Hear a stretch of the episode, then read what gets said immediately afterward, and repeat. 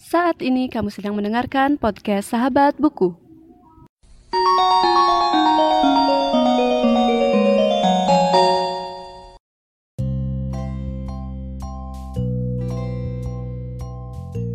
Sebelum dengerin episode kali ini, jangan lupa untuk follow podcast Sahabat Buku di Instagram at podcast Sahabat Buku dan di Twitter at Sahabat underscore.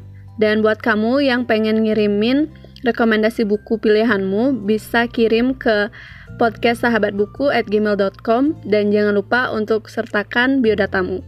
Selamat mendengarkan!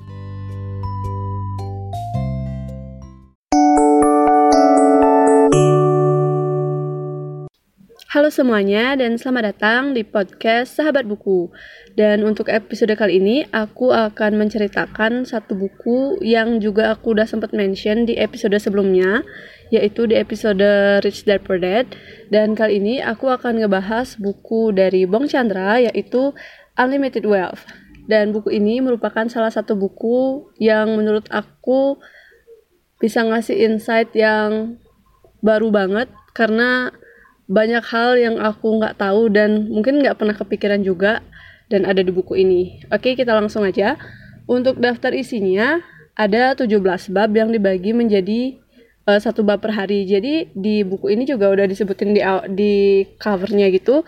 Habis dibaca dalam 10 menit. Jadi uh, dibaca dalam 10 menit itu satu babnya untuk satu hari. Dan aku bakal uh, mention ke 17 babnya.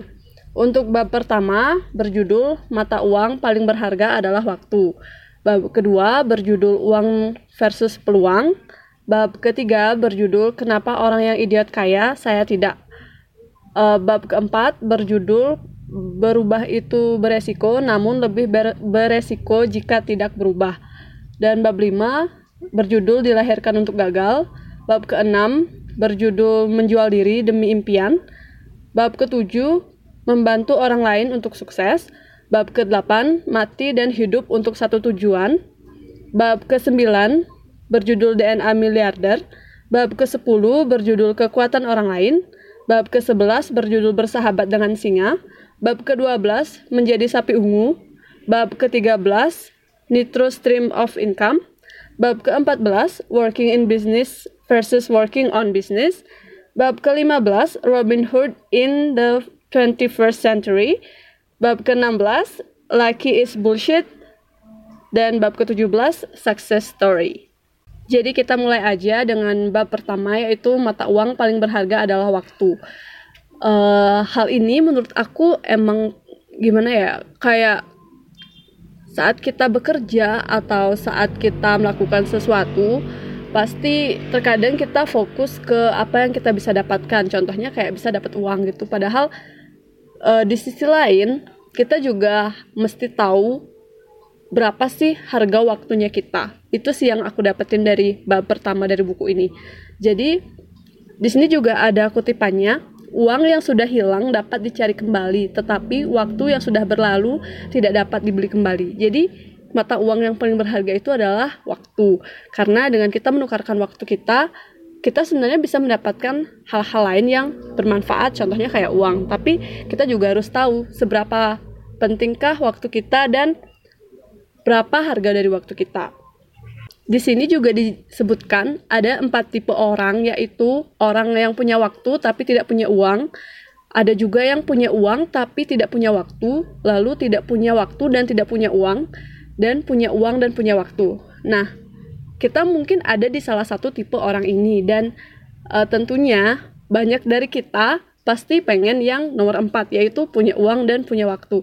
Di sini juga disebutin kayak dijelasin gitu gimana sih tipe-tipe dari orang-orang ini dan aku yakin sih banyak orang yang mungkin berada di posisi pertama atau kedua bahkan ada juga yang di posisi ketiga tapi pasti banyak juga yang pengen di posisi keempat. Maka dari itu kita juga mesti tahu cara bagaimana untuk mencapai hal tersebut. Nah, kutipan yang satu ini mirip banget sama yang aku udah sempat mention juga di episode sebelumnya, yaitu orang miskin mencari uang, orang kaya mencari peluang. Jadi, kita di sini nggak fokus tentang mencari uangnya, tapi gimana caranya mencari peluang yang bisa mengantarkan kita ke uang itu sendiri. Tapi nggak cuma uang tapi kita bisa mendapatkan yang lain. Contohnya kayak relasi terus juga kesempatan untuk misalkan melaksanakan apa yang memang kita pengen kerjain dan juga uang. Untuk bab 3 judulnya kenapa orang yang idiot kaya saya tidak?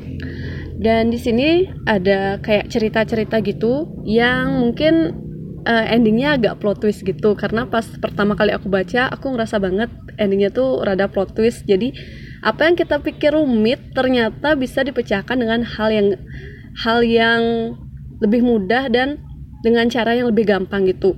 Dan quotesnya di sini orang pintar membuat sesuatu yang sederhana menjadi rumit orang idiot membuat sesuatu yang rumit menjadi sederhana. Dan aku bakal sedikit cerita tentang cerita yang pertama yaitu gitu aja kok repot.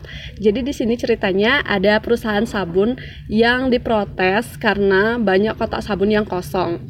Jadi e, banyak karyawan dalam rapat itu punya banyak ide untuk membeli mesin yang mahal terus dari e, berbagai negara, tapi ternyata hal yang merupakan jadi masalah ini yaitu kotak sabun yang kosong itu bisa diselesaikan hanya dengan kipas angin yang seharga 200 ribu. Jadi itu benar-benar menghemat kan daripada beli mesin yang harganya jutaan rupiah.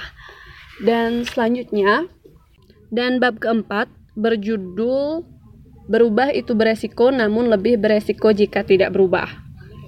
Dan di sini dijelasin tentang uh, lebih ke sejarah dari uh, perubahan dari zaman dari dulu sampai sekarang.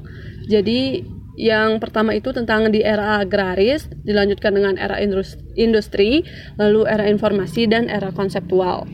Nah, di sini juga membahas tentang menurut aku relate sama kreativitas manusia. Jadi di sini ada satu sebab gitu yang namanya gunung kembar. Jadi pasti waktu kita kecil itu sering gambar yang namanya gunung kembar, terus ada matahari, awan, jalan sama sawah gitu. Dan sebenarnya secara nggak sadar atau mungkin ada yang udah ngeh juga kalau hal itu sebenarnya bisa mematikan kreativitas kita karena uh, semua orang tuh sebenarnya punya kreativitas yang berbeda-beda tapi uh, dijadiin satu gitu dengan uh, satu konsep yang namanya gunung kembar itu jadi dari kecil kita udah kayak dilatih buat sama seperti yang lain padahal orang-orang itu punya keunikan tersendiri Oke, okay, untuk bab kelima, judulnya dilahirkan untuk gagal. Jadi mungkin di sini tuh banyak banget orang yang berpikir kalau gagal tuh udah hancur banget gitu, padahal uh, suatu kesuksesan besar itu berawal dari kegagalan. Jadi di sini juga ada kutipannya, orang sukses selalu kelebihan cara, orang gagal selalu kelebihan alasan. Jadi aku pun sebenarnya dulu tuh sering beralasan kayak excuse gitu kalau aku lagi uh, mendapatkan masalah atau kayak gagal dalam melaksanakan sesuatu. Padahal hal itu sebenarnya eh, nggak uh, baik gitu kalau kita udah keseringan kayak mungkin ngeluh dan banyak alasan. Jadi di sini tuh ada satu part pertama yaitu saya tidak takut gagal karena saya pasti gagal. Jadi ini sebenarnya relate banget sama buku yang aku udah sempat review juga sebelumnya yaitu bukunya Panji Pragiwaksono yang persisten. Jadi di sana dikatakan kalau kita udah mulai sesuatu yang pertama kali tuh ya pasti jelek gitu. Nggak ada yang benar-benar bagus banget pas kita mulai sesuatu. Tapi dari kita tahu apa jeleknya hal yang kita miliki atau yang kita mulai itu kita bisa memperbaiki uh, sedikit demi sedikit sampai akhirnya kita bisa menghasilkan sesuatu yang bagus. Oke teman-teman, jadi segitu dulu untuk pembahasan buku dari Bong Chandra dengan judul Unlimited Wealth. Dan aku nggak nyeritain bukunya secara keseluruhan tapi lebih ke hal-hal yang menurut aku ngena gitu dari buku ini. Dan itu aja untuk episode kali ini. Nanti untuk episode selanjutnya akan lanjut ke buku yang lagi satu yaitu The Science of Luck. Jadi ditunggu aja dan sampai jumpa di episode selanjutnya